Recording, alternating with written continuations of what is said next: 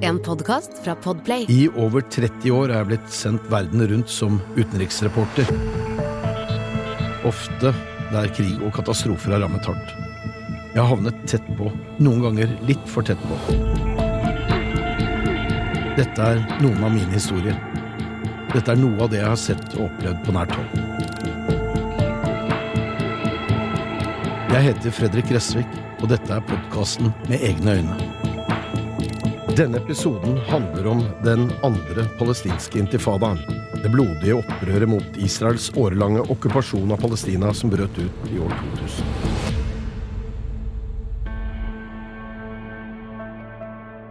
Fjorten år gamle Maria og hennes 15 år gamle bestevenninne Raisa lakket neglene, stelte håret og sminket seg. Alt for å se litt eldre ut enn de var, slik at vaktene på det populære stranddiskoteket Dolfinarium i Tel Aviv skulle slippe dem inn. Det var 1. juni 2001, og foreldrene hadde sagt at det var greit at de dro inn til storbyen hvis de lovet å være forsiktige og kom hjem til avtalt tid. Fram til midnatt slapp jenter gratis inn på utestedet, men denne kvelden var køen uvanlig lang. Berusede, glade og lettkledde ungdommer som ville feste, drikke og sjekke, ha det gøy. I den samme køen sto Marina, som fylte 17 akkurat denne dagen. Også hun hadde pyntet seg. Med høyhælte sko, svart bukse og en rosa topp. De tre israelske jentene hadde det til felles at de hadde livet foran seg. Eller hadde de det? En ung mann gikk langs køen mens han slo på en tromme. Noe kommer til å skje, ropte han på hebraisk. Noen tenkte at han var en hasidisk jøde, religiøse som av og til tok turen til Tel Avivs strandpromenade mens de gjøglet og sang. Men den unge mannen var aldeles ingen gjøgler eller from religiøs jøde. 21 år gamle Saad Hotari fra den palestinske byen Kalkilia på den israelsk-okkuperte Vestbredden var på oppdrag for den palestinske organisasjonen Hamas. Trommen han slo på, var fylt opp med sprengstoff, spikere og blykuler fra hjullageret. 23.27 1. juni 2001 utløste Hotari bomben han bar på, og sprengte seg selv og 21 andre til døde. Over 150 mennesker, for det meste tenåringer beruset på livet, ble skadet. På bakken utenfor Dolfinarium lå en jente med en rosa topp dekket av blod. Marina ble aldri mer enn 17 år. I kaoset lå også to døde jenter på 14 og 15 som bare timer i forveien hadde lakket neglene og stelt håret for sin første tur på byen. Det var et kaos av kropper, blod og smertefulle skrik. Det var liv som hadde stanset med et smell, og unge hjerter som var i ferd med å slå sine siste slag. Rett bortenfor slo bølgene inn over stranden som om ingenting hadde skjedd. Jeg holdt meg litt på avstand da Marinas kropp ble løftet ut av likbilen og båret bort til en åpen grav på Jarkon-gravlunden utenfor den israelske byen Petatikva. 17-åringens mor, Lilja, måtte støttes for ikke å falle sammen av sorg. Det var bare noen timer siden tenåringsmassakren hadde funnet sted. Bombeangrepet mot Dolfinarium var den 18. selvmordsaksjonen i Israel så langt det året. Jeg gikk over mot et annet gravfølge på den samme gravlunden. I kisten lå Anja. Hun rakk bare å bli 16. Rett bak henne gikk hennes elleve år gamle lillebror Alexander. Bak ham fulgte et hav av unge jenter som gråt så det ristet under den stekende solen. Da kisten var senket i jorden, la de ned kosedyr og blomster. Den israelske okkupasjonen av de palestinske områdene var kostbar. Svært kostbar. Neste dag beordret Israels statsminister Ariel Sharon et voldsomt gjengjeldelsesangrep mot palestinerne. I dagene og ukene som fulgte, fikk palestinerne unngjelde for selvmordsangrepet. De fleste palestinerne som ble drept, var sivile. Øye for øye, tann for tann, står det skrevet i andre Mosebok i Det gamle testamentet jødenes hellige skrifter. Den andre intifadaen ble utløst av én en enkelt handling. men det hadde ligget lenge i kortene at noe kom til å skje. Fortvilelsen over Oslo-avtalens manglende resultater var overveldende blant palestinerne. Avtalen fra 1993 skulle ha gitt dem selvstyre og frihet. Det var langt fra realiteten høsten 2000. Palestinske grupper som Hamas hadde bidratt til å bombe avtalen i stykker. Det væpnede opprøret gjorde det vanskelig å føre samtaler mellom partene. Åtte måneder før terrorbomben mot diskoteket Tel Aviv startet opprøret. Den andre intifadaen, også kjent som Al-Aqsa-intifadaen. Tidlig på dagen rullet de første busslastene med politifolk inn foran en av portene som fører inn til gamlebyen i Jerusalem. Det var torsdag 28. september 2000. Det som skjedde i løpet av de neste timene, skulle føre til en årelang tragedie for både israelere og palestinere. Flere hundre politifolk utstyrt med batonger, gassmasker, vester, tåregass og skytevåpen tok oppstilling på og rundt området som kalles Haram al-Sharif på arabisk, Den edle hellighet, eller Tempelplassen oversatt fra hebraisk. Høyden huser to av muslimenes helligste bygg, den gullforgylte klippedomen og Al-Aqsa-moskeen. Bygget der jødenes hellige tempel en gang sto. Rett på nedsiden av høyden ligger restene av den vestlige tempelveggen, klagemuren, jødenes mest hellige plass. Litt utpå dagen kom den israelske høyrepolitikeren, opposisjonsleder Ariel Sharon, kjørende i en skuddsikker bil. At han higet etter å ta over makten fra Arbeiderpartiet og statsminister Ehud Barak, var ingen hemmelighet. Å bidra til å destabilisere landet kunne være én måte for Sharon å svekke sin politiske motstander på. Ariel Sharon visste at det han nå skulle foreta seg, ville provosere palestinerne. Omringet av væpnede vakter gikk Sharon opp på høyden. Høyden, som var muslimsk grunn, var nå nærmest rensket for muslimer, slik at Sharon skulle være trygg. I tre kvarter spaserte han rundt på høyden, mens ordet om besøket spredde seg raskt blant palestinere i områdene rundt. Tempelhøyden er underlagt oss, og slik vil det forbli. Dette er jødedommens helligste sted, sa Sharon til journalister da han var i ferd med å avslutte sin utflukt. Han hadde markert revir. Mens han kjørte av gårde, kom horder av unge palestinske menn løpende gjennom de trange smugene i gamlebyen. Plaststoler, steiner og søppel kom susende gjennom luften mot den nesten tusen mann store politistyrken. Historien hadde gjennom den første intifadaen på 80- og 90-tallet vist palestinerne at opprør kunne føre til større internasjonalt press på Israel for å finne en løsning som begge parter kunne leve med. Også palestinernes president Yasir Arafat sa at et opprør trolig var det eneste som ville endre israelernes kurs. Væpnede palestinske grupperinger, både de Arafat hadde kontroll over, og andre, var klare til kamp. Dagen etter Sharons provokasjon var det fredagsbønn, og moskeene ble fylt opp med rasende menn. Al-Aqsa-moskeen var så full at mange av de bene måtte rulle ut mattene sine på plassen utenfor. Da bønnen var over, ble det ropt på hevn. Steiner ble plukket opp og kastet mot jøder som sto i bønn ved klagemuren på nedsiden av høyden. Politiet svarte først med tåregass og gummikuler før de åpnet ild med skarpe skudd mot menneskemengden. Da kvelden kom, var sju palestinere drept og flere hundre skadet. Intifadaen var i gang. Nå spredde opptøyene seg raskt fra Jerusalem til andre byer på Vestbredden og til Gaza. 30. september fanget en palestinsk TV-fotograf opp bilder fra et angrep mot et israelsk vakttårn ved en av de jødiske bosettingene inne på Gazastripen. Betongtårnet ble pepret med steiner. Soldatene skjøt ut tåregass. 34 år gamle Jamal al-Dorra og hans 12 år gamle sønn Mohammed var på vei hjem til flyktningleiren Borei like ved, og havnet uheldigvis midt i bråket.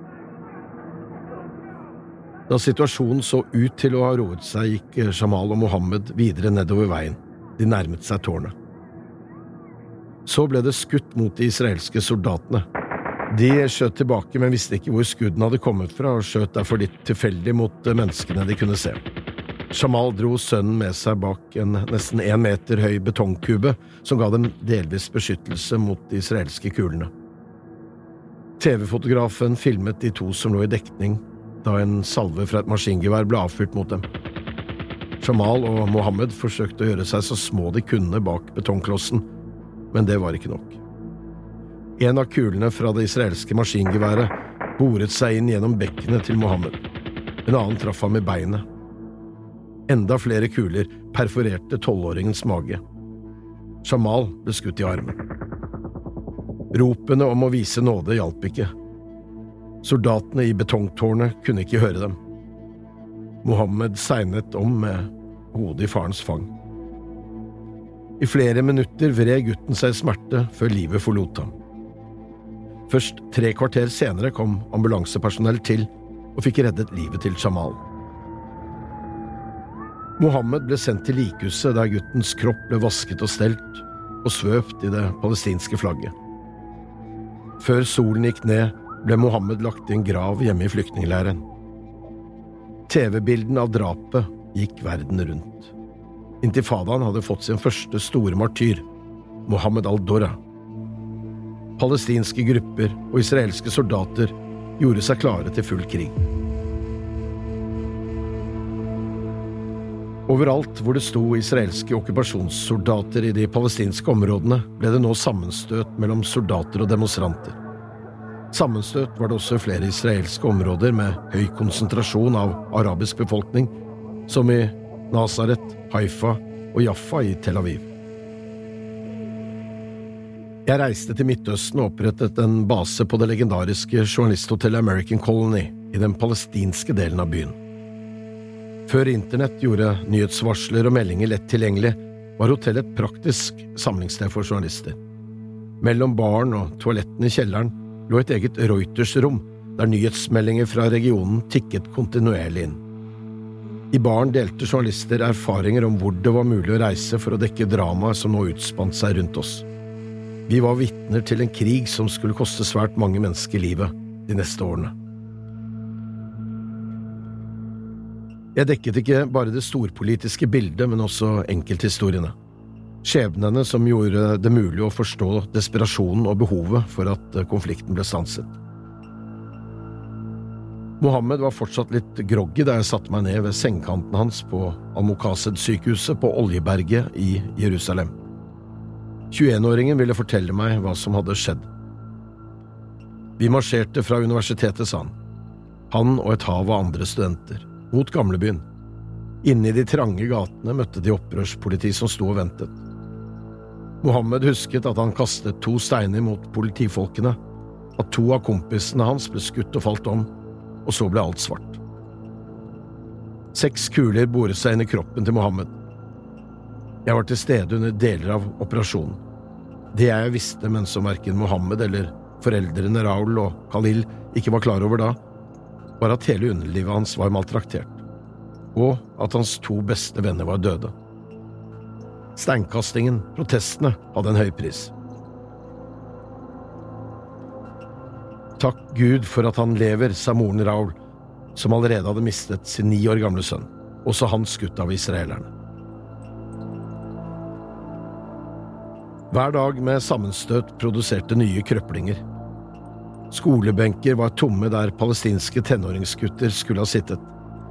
Nå handlet det om å delta i opprøret mot okkupantene. Like ved fødselskirken i Betlehem traff jeg Malif. 17-åringen sto med en slynge i hånden. På markene rundt byen sto israelske stridsvogner. Flere steder sto redde og bevæpnede unge israelske menn, forberedt på å skyte. Jeg fulgte Malif og vennegjengen ned til området ved Rakels grav, der det var en jødisk bosetting bevoktet av soldater. Vi kastet stein på sionistene for å frigjøre Jerusalem, sa Malif, og la en stein på plass i slyngen. Med stor presisjon kastet han den mot en av soldatene. Svaret kom i form av en tåregassgranat. En av guttene løftet opp den rykende granaten og kastet den tilbake mot soldatene. Dette var de store våghalsers krig. Vi vil kjempe til vi seirer, vi vil aldri tape, vi må bruke makt. Fjell kan ikke bare flyttes av vind, sa Malif før jeg trakk meg unna. Det haglet steiner og klinkekuler fra spretterter og slynger. Soldatene la an og skjøt med plastbelagte stålkuler mot ungdommene. Før en av fredagsbønnene tok jeg meg opp på et hustak med utsikt mot Al-Aqsa-moskeen i Jerusalem. Alle menn under 45 ble nektet adgang, men som meg fant de andre veier inn mot plassen der de skulle be. Store sikkerhetsstyrker var på plass. Idet bønnen var over, smalt det. Steiner og skudd. Folk falt om og døde. Jeg kom meg ned fra taket for å komme meg i sikkerhet. Overalt rundt meg hørte jeg smell. De trange smugene i gamlebyen var blitt som en dødens labyrint, der du ikke ante hva du møtte rundt neste hjørne. Soldater med rifler, steiner eller brannbomber. Fotografen og jeg kom fra hverandre, og plutselig var jeg fanget mellom to grupper. Bak meg kastet palestinere steiner som for over hodet mitt mot politifolkene foran meg. Ved siden av meg sto en vettskremt palestinsk gutt i 10–12-årsalderen og skalv. Han hadde kommet vekk fra faren og brødrene. Jeg rev ham med meg og åpnet en ståldør til en butikk. Der ble vi sittende bak døren mens kuler og steiner fløy mellom steinveggene på utsiden. Tåregassen var der, men ikke for plagsom. Utenfor døren falt folk om og døde. Etter en halvtimes tid stilnet det, og redselen slapp langsomt tak i oss begge før vi til slutt våget oss ut. Jeg avleverte gutten på nærmeste kafé og dro til sykehuset for å få oversikt over dagens skadeomfang. Et par uker ut i intifadaen, 12. oktober 2000, kjørte de to israelske soldatene Vadim Nursitz og Yossi Avrahami feil i et kryss på Vestbredden. Feilen var fatal. Plutselig sto de fast i en kontrollpost utenfor Ramallah bemannet av palestinske politifolk. I stedet for å bli vist vekk ble soldatene tatt med til politihovedkvarteret, slik at den palestinske politisjefen kunne avgjøre hvordan situasjonen skulle håndteres. Samtidig som de ankom stasjonen, gikk et gravfølge på flere hundre gjennom byen. Den døde hadde blitt skutt og drept av israelske soldater tidligere på dagen. Ryktet om de to israelske soldatene gikk, og deler av gravfølget stormet politistasjonen. Den rasende mobben tok seg inn i byggets andre etasje, der soldaten befant seg. Nursitz og Avrahami ble kuttet opp og slått i hjel, før de ble lempet ut av et vindu og forsøkt påtent. Så ble likene slept gjennom Ramallas gater. Israelske kamphelikoptre bombet politistasjonen som hevn. Israels statsminister Ehud Barak ga Yasir Arafat skylden for det hele, og beordret at den palestinske presidentens kontor i Gaza by skulle bombes. USAs president Bill Clinton og Egypts president Hosni Mubarak kalte partene inn til et møte i den egyptiske badebyen Sharm el-Sheikh ved Rødehavet, men til liten nytte. En time etter at partene ble enige om en våpenhvile, rullet israelske stridsvogner inn i Betlehem Palestinske menn angrep en jødisk bosetting på Gazastripen.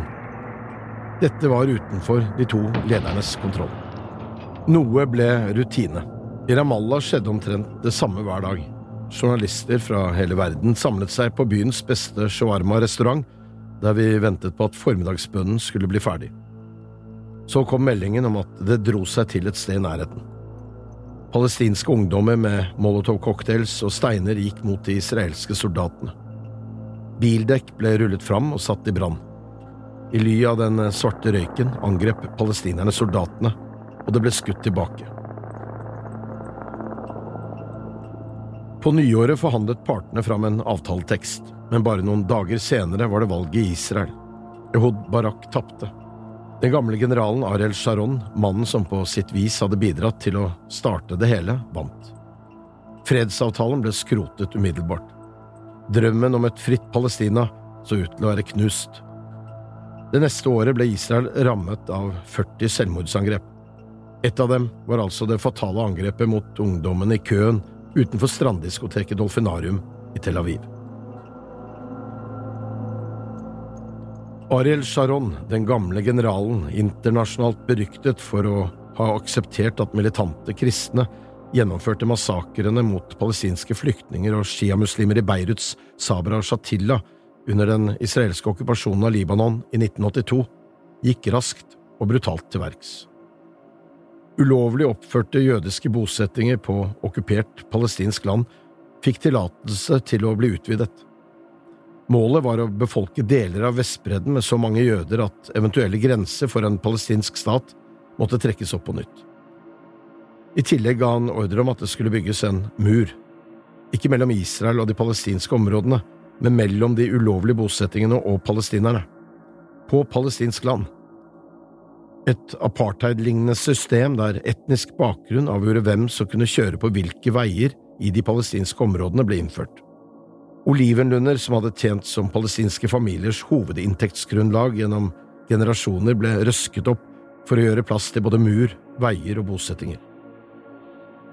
Ved israelske kontrollposter ble ambulanser med fødende og døende palestinere noen gang tvunget til å vente i timevis til det var for sent. Det ga grobunn til mer sinne og nye angrep. Det var fortsatt én måned til termin da Rula våknet av sterke smerter og fortalte mannen Daoud at de måtte komme seg til sykehuset i Nablus. Fra hjemmet i landsbyen Kafr Salem skulle turen tatt om lag et kvarter. Men mellom dem og Nablus lå en kontrollpost bemannet av israelske soldater. De tok en taxi mot kontrollposten, samtidig som en ambulanse ble tilkalt for å møte dem på den andre siden. Da det unge paret gikk ut av taxien, ble de beordret av soldatene til å sette seg på bakken. Venene og smertene tiltok. Daoud tryglet soldatene om å slippe dem gjennom til den ventende ambulansen. Sitt stille, skrek en av soldatene tilbake. Rola krøp bak en betongkloss der hun fødte en liten datter bare noen meter unna soldatene. Lille Mira døde før foreldrene hadde rukket å gi henne et navn. Daoud kuttet navlestrengen med to steiner før soldatene ombestemte seg og lot dem passere. Den israelske journalisten Gideon Levi var en av få israelske journalister som brukte mye tid på å forklare palestinernes lidelser for sine israelske lesere. Historien om Rolav og Daoud er en av mange han avdekket, og ble først publisert i den israelske avisen Haaretz. Historiene var mange. I januar 2001 lå den ti år gamle jenta Ala al-Salvid hjemme med sterke magesmerter. Da foreldrene forsøkte å frakte henne til sykehuset i Nablus, ble også de stanset av soldater. Blindtarmen sprakk, og tiåringen døde. Voldsspiralen tiltok. 20 år gamle Alam Tamimi og den to år eldre Is-Aldin al-Masri så ved første øyekast ut som et vanlig israelsk par. Det var det ikke. Den andre torsdagen i august 2001 gikk de mot pizzarestauranten Sbarro i Vest-Jerusalem. Han bar på en gitarkasse, men hadde ingen gitar. Restauranten var full. Rundt 100 familier var samlet i restauranten. Unge løp mellom bordene. Fem av dem tilhørte det jødiske bosetterparet Sira og Mordechai Shiveshurder. Alam tok farvel med Isaldin og visste godt at hun aldri ville se ham igjen. På oppdrag for Hamas og islamsk hellig krig gikk han inn i restauranten og detonerte bomben som lå i gitarkassen. Hele fasaden på restauranten ble blåst ut. 15 mennesker klarte palestineren å ta med seg i døden. Sju av dem var barn. Bosetterparet Sira og Mordechai var, i likhet med tre av barna, blant de døde. 14 år gamle Raya, 4 år gamle Yitzhak og 18 måneder gamle Henda. Det skulle bli verre.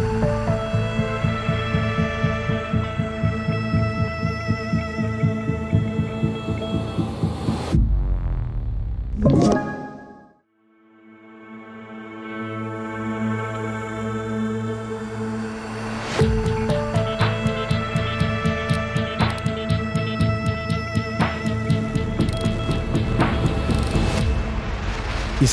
fly ble sendt på vingene og bombet det som var igjen av politihovedkvarteret i Ramallah. Selv om palestinske myndigheter ikke hadde noe med angrepet å gjøre. Det var gjennomført av president Yasir Arafats palestinske fiender.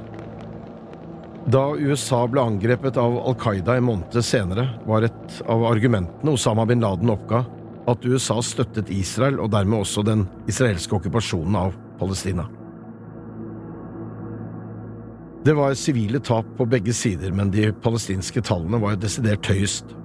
De jevnlige angrepene på palestinere fikk noe mindre oppmerksomhet i vestlige medier enn de spektakulære palestinske angrepene mot israelere. Og i tiden etter 11. september 2001 var det spesielt lite sympati å hente for islamistiske organisasjoner som drev med vold og terror. Som journalist var det til tider nærmest umulig å forsøke å årsaksforklare det som skjedde, uten å bli rammet av voldsom kritikk og beskyldninger om å fare med løgn og å være en terrorelskende jødehater. Etter ytterligere tre palestinske selvmordsangrep som kostet 29 mennesker livet i løpet av fire dager i månedsskiftet november–desember 2001, beordret Ariel Sharon et angrep på palestinernes president Yasir Arafat og hans hovedkvarter i Ramallah. Til tross for at israelerne hadde fratatt den palestinske presidenten nærmest all mulighet til å kontrollere sitt eget folk. Kamphelikoptre fløy mot det nybygde presidentkomplekset Okata. Raketter ble avfyrt, og deler av bygningsmassen falt sammen. Jeg rakk fram til Ramallah dagen etter, like før Sharon beordret full invasjon. Presidenten tok imot TV 2. De ydmyker oss dag og natt, de tvinger kvinner til å føde ved kontrollposter, sa han skjelvende. Han så syk ut. Mens jøder kan kjøre hvor de vil på vårt land, må palestinerne ta lange omveier. Soldatene deres er overalt, fortsatte han. Det er kriminelt.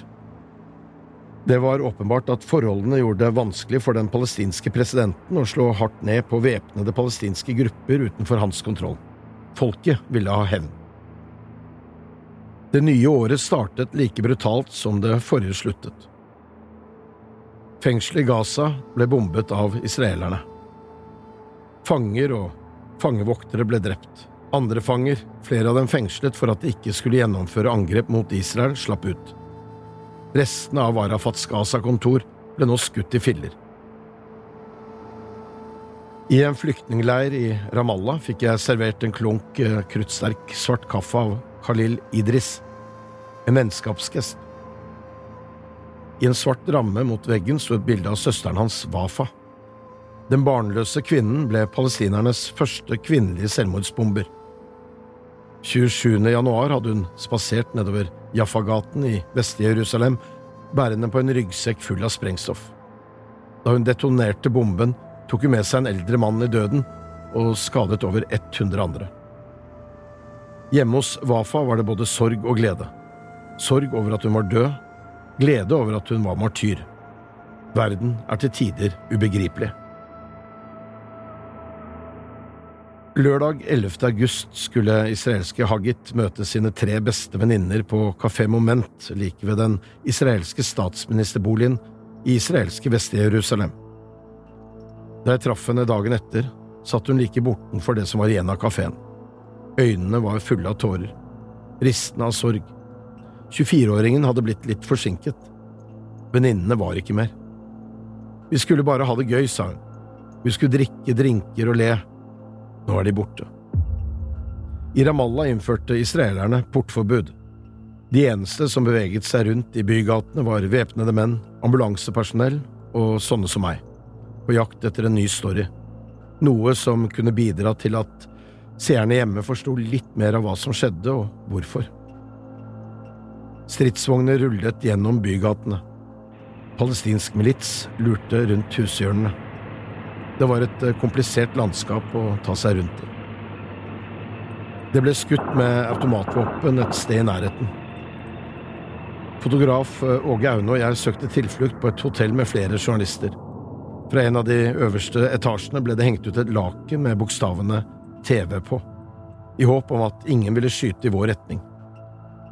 Det var ikke én front, det var nye fronter for hvert kvartal, og frontlinjene endret seg raskt. Det brant fra en rekke hus. På nytt fikk vi beskjed om at Yasir Arafat ville snakke med oss. Han så enda sykere og svakere ut enn sist. Vann og elektrisitet til presidentkomplekset var kuttet. Israelske bulldosere hadde revet enda mer av hovedkvarteret hans.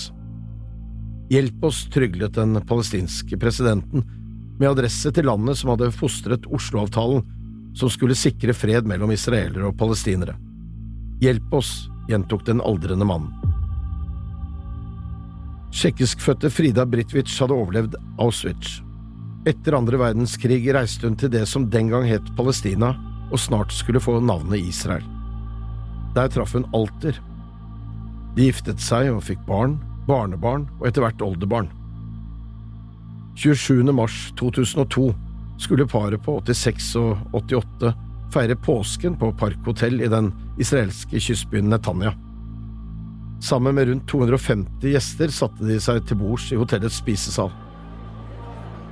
Omtrent samtidig gikk den 25 år gamle palestineren Abdelbasset Ode forbi sikkerhetsvakten og inn i hotellobbyen. Han var ikledd en lang parykk og kvinneklær. Trillende på en koffert vekket han ikke oppsikt. Ode fortsatte gjennom resepsjonen og gikk rett inn i hotellets spisesal. Der smalt det. 28 andre mennesker ble drept omtrent momentant. 150 såret. Mange av dem alvorlig. Frida og Alter satt ved siden av hverandre da stålpiler og kuler trengte inn i kroppene deres. Barna ble varslet og satt ved deres side i seks dager, før Alter ikke klarte mer. Bare noen timer senere døde Frida, hun som hadde overlevd nazistenes jødeutryddelse. I den grad hanskene ikke var av for lengst. Ariel Sharon raste. Israelerne ropte på hevn. Enda mer av Arafats hovedkvarter ble revet. Hvor lenge ville den palestinske presidenten klare dette? De neste tre dagene angrep selvmordsbombere et supermarked i Jerusalem, en kaffebar i Tel Aviv og en restaurant i Haifa. Det var fortvilende å være vitne til ondskapen. På American Colony debrifet vi journalister hverandre i hotellets kjellerbar eller ute i hagen på de varmeste kveldene. Det var som om dette ikke ville ta noen ende. Da israelske styrker angrep Betlehem i april, sa en av bataljonssjefene i Israels 408. infanteribrigade til sine soldater at det var helt greit å drepe barn hvis de oppfattet barn som en trussel. Steiner er dødelig våpen, sa han. Vi var en gruppe journalister som trosset portforbudet og tok oss inn i byen til fots. Kamphelikopteret hang over oss. En prest og seks nonner ble drept da det ble skutt mot en katolsk kirke. En pressefotograf ble skutt gjennom vinduet på sitt hotellrom. Israelerne presset krigere fra Tansim-militsen tilbake gjennom gatene. De palestinske krigerne tok seg inn i fødselskirken for å søke dekning. Vi gikk framover i den buede gaten i Betlehems gamleby. Iført skuddsikre vester og hjelmer. En kollega holdt et hvitt tøystykke i været. Ikke skyt. Fra innsiden av hus med i stykker skutte vinduer kjente jeg lukten av død og forråtnelse. Et sted lå et eh, eldre ektepar på stuegulvet, skutt i sitt eget hjem, han gjennom hodet. Vi passerte det ene sivile liket etter det andre på vår vei framover mot kirken. Vi fikk kontakt med en gruppe israelske soldater som forsto hvem vi var, og varslet videre at vi var på vei mot Krybbetorget foran inngangen til kirken bygget over stedet man mener Jesus ble født. Patriarken kom ut for å forhandle med israelerne om en overgivelse. Han ville ikke ha noen væpnede menn i det hellige bygget. Etter en måneds forhandlinger ble geriljasoldatene sendt til Gaza og land i Midtøsten og Europa. Den israelske militæroperasjonen på Vestbredden senvinteren 2002 var den mest omfattende siden den israelsk-arabiske krigen i 1967, da Israel okkuperte landområdet fra Jordan. Det ble verre. Ariel Sharon beordret en flere tusen mann stor israelsk styrke bestående av en infanteribrigade og to bataljoner til å innta byen Jenin. Befolkningen fikk beskjed om å forlate byen. Geriljasoldatene skulle røykes ut. Men mange av palestinerne hadde ingen steder å dra. Andre var for syke og svake. En tredel av befolkningen ble værende. I firetiden om morgenen 3. april kikket 19 år gamle Hami Romala ut av huset for å se hva som skjedde. Han sto i husets inngangsparti da israelske soldater kom nedover gaten og skjøt ham. Fra nabohuset løp sykepleieren Farwa Jamal ut for å hjelpe. Det gjorde også flere av Hamis familiemedlemmer. Så åpnet soldatene ild igjen. Både Hami og Farva døde. Flere andre ble truffet. Israelerne bestemte seg for å stenge Jenin av for journalister, men vi tok oss til fots gjennom olivenlundene. Inn skulle vi. Ved en moské i utkanten av byen traff jeg Halimi Asadi. Han og familien hadde blitt jagd ut av huset før bulldoserne knuste hjemmet deres. I kaoset hadde han mistet de andre og visste ikke om de var i live eller ikke. De dreper alle, ropte han fortvilet. Det er ingen som hjelper oss. Husdyr og mennesker lå døde i gatene, skutt og drept. Hunder forsynte seg av de som lå der. Det var et helvete. FN og Røde Kors ville inn med nødhjelp til de som var igjen, uten vann og mat. Israelerne nektet lenge. Den rullestolbundne Dorar Hussein trillet gjennom gatene med et hvitt flagg da han ble skutt og drept. Så ble både han og stolen knust under stridsvognbelter.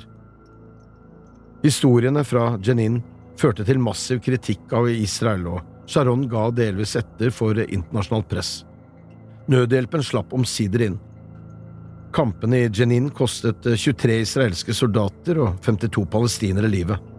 Omtrent halvparten av palestinerne var sivile. 150 hus var ødelagt, og 4000 mennesker gjort hjemløse.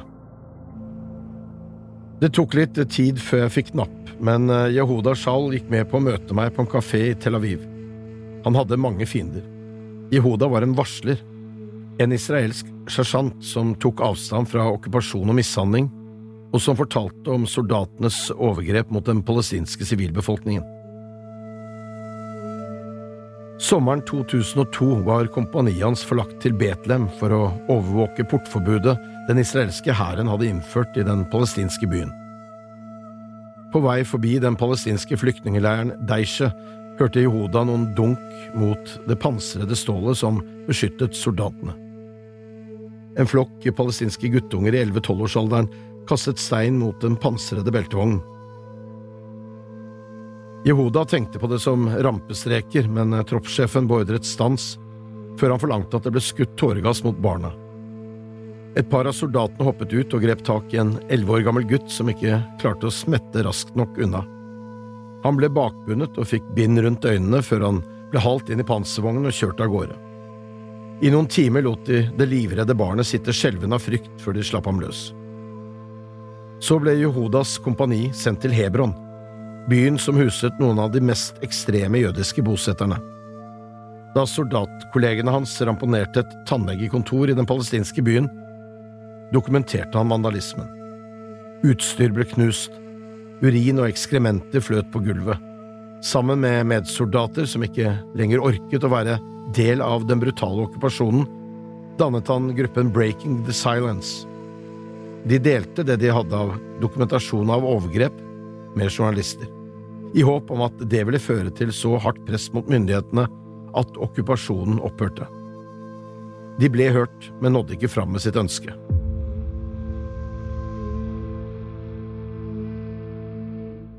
Når Ruth Berger lukket øynene, kunne hun huske lyden av Rafi ved pianoet, av hvordan fingrene hans hadde lekt over tangentene og tryllet fram de mest vidunderlige klassiske toner. Ruth så på meg og fortalte med stolthet hvor godt sønnen hadde gjort det på universitetet. At studiene hadde nærmet seg slutten, at han hadde giftet seg med en vakker, ung kvinne, og at fremtiden lå foran dem. Tangentene var dekket av støv. Pianoet hadde ikke vært rørt på lenge. Ruth var bosetter på stjålet land. En morgen i juni 2002 gikk Rafi om bord i bussen som skulle frakte ham til det hebraiske universitetet i Jerusalem. På bussen satt en palestiner fra Betlehem. Klokken 07.50 drepte selvmordsbomberen fra Hamas 19 mennesker. Rafi var en av dem. Det yngste drapsofferet var 11 år, det eldste 72. Mange andre fikk livene sine ødelagt. Rafi var sprengt til det ugjenkjennelige. En DNA-test måtte til for å identifisere ham. Shalom, hello, ropte jeg. Ved siden av meg i gatene i Ramallah sto en israelsk stridsvogn med lukene skalket. Jeg hørte en utydelig stemme fra innsiden av panseret. Arutstein Norvegia, ropte jeg på hebraisk. TV 2 Norge. Go away, kom det fra panservognen mens tårnet ble vridd rundt. Alt jeg ville var å få et intervju, men det var klart de var redde, soldatene der inne. De ville ikke ha noen i nærheten. Jeg ga opp å diskutere med en gruppe soldater i en 70 tonn tung stridsvogn fylt med granater og ammunisjon. Like bortenfor var Arafats presidenthovedkvarter i ferd med å krympe til det ugjenkjennelige. Ødeleggelsene ble stadig større. Fotograf Åge og jeg ble vitner til at 14 år gamle Assam Wahab kom gående opp gaten med et nyinnkjøpt brød da en av de israelske soldatene løftet automatriflen opp og skjøt ham rett i beinet. Barnet falt skrikende om. En ung mann løp til, løftet den spede kroppen opp og løp til akuttmottaket på sykehuset et par kvartaler unna. Vi fulgte blodsporene. Assam klarte seg, men da jeg møtte ham noen år senere, kunne han fortsatt ikke gå skikkelig, og han var sint. I byen Kalkilia ble 40 000 mennesker totalt innesperret av murer. Byen lå som en avsperret getto helt opp til Israels grense. Bak murene levde de som fanger i sin egen by. Den internasjonale domstolen erklærte muren som ulovlig, men det endret lite. Hatet vokste. Vokste gjorde også det internasjonale engasjementet for å stanse krigen. Våren 2003 reiste den amerikanske studenten Rachel Corrie til Palestina for å protestere mot israelsk okkupasjon. Sammen med andre aktivister satte 23-åringen opp en teltleir i Rafa, helt sør på Gazastripen. De skulle hindre israelske bulldosere i å rasere palestinske hjem. Da beltevognene kom, stilte de seg opp på en rekke, godt synlige. Sjåføren regnet kanskje med at Rachel ville flytte seg. Hun tenkte kanskje at han ville stanse i siste sekund. Uansett ble hun meid brutalt ned av flere tonn med stål. Et ungt aktivisthjerte sluttet å slå. Sjåføren ble senere frikjent av en israelsk rett. Noen dager senere angrep USA Irak, og de fleste av oss glemte den evige krigen mellom Israel og Palestina for en stund. Men selvmordsaksjonene og de meningsløse drapene på sivile fortsatte. Vinteren 2004 ble jeg nok en gang tilkalt med beskjed om at palestinernes president ville treffe meg, midt på natten.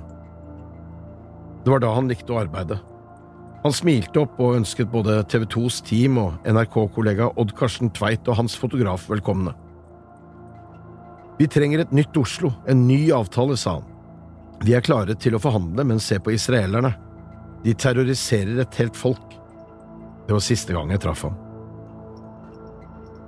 Noen dager senere tok en bussbombe livet av elleve mennesker i Tel Aviv. Hamas-leder sjeik Ahmed Yasin ble drept i et israelsk luftangrep mot Gaza. Hamas hevnet likvidasjonen. Så ble den nye lederen av Hamas, Abdel Aziz Rantisi, drept. Det internasjonale presset mot Israel økte. Dette gikk ikke lenger. Krigen var en ulykke for alle. Jeg lå og sov i leiligheten TV 2 og Aftenposten leide sammen i Ramallah da jeg ble vekket grytidlig om morgenen 11. november 2004. Palestinernes president Yasir Arafat var død. Han sovnet inn på et sykehus i Paris etter et akutt sykdomsleie, som etter alt å dømme skyldtes en eller annen form for forgiftning. Det var mange som ønsket ham død. Israelere, palestinere, vestlige ledere. Folk som tenkte at hans død kanskje kunne bety en ny start. At kampene ville stanse. Utenfor Arafats hovedkvarter holdt soldatene fra livguiden hans hverandre i hendene. Tårer rant nedover soldatkinn. Ungdommer trillet dekk ut i Ramallas gater og satte fyr på dem. En siste hilsen. En æra var over. Tre måneder senere møttes Israels statsminister Ariel Sharon og palestinernes nyvalgte president Mahmoud Abbas hverandre i den egyptiske byen Sharm el-Sheikh. Sammen erklærte de kampene for over, og med det var den andre palestinske intifadaen, opprøret mot okkupasjonsmakten Israel, over. I løpet av fire år hadde rundt 5500 mennesker mistet livet, over halvparten av dem sivile. Men krigen mellom Israel og Palestina, den fortsatte på nye fronter.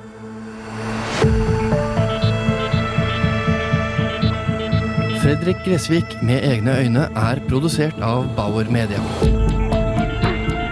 Produsent for podkasten er Thomas Alsaker. Lyddesign og musikkomposisjon av Lars Petter Berg. Prosjektleder Øystein Reib. Hør flere episoder av denne podkasten gratis på podplay.no.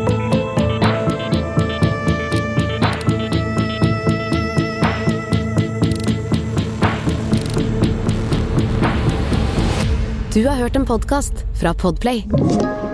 En enklere måte å høre podkast på. Last ned appen Podplay eller se podplay.no.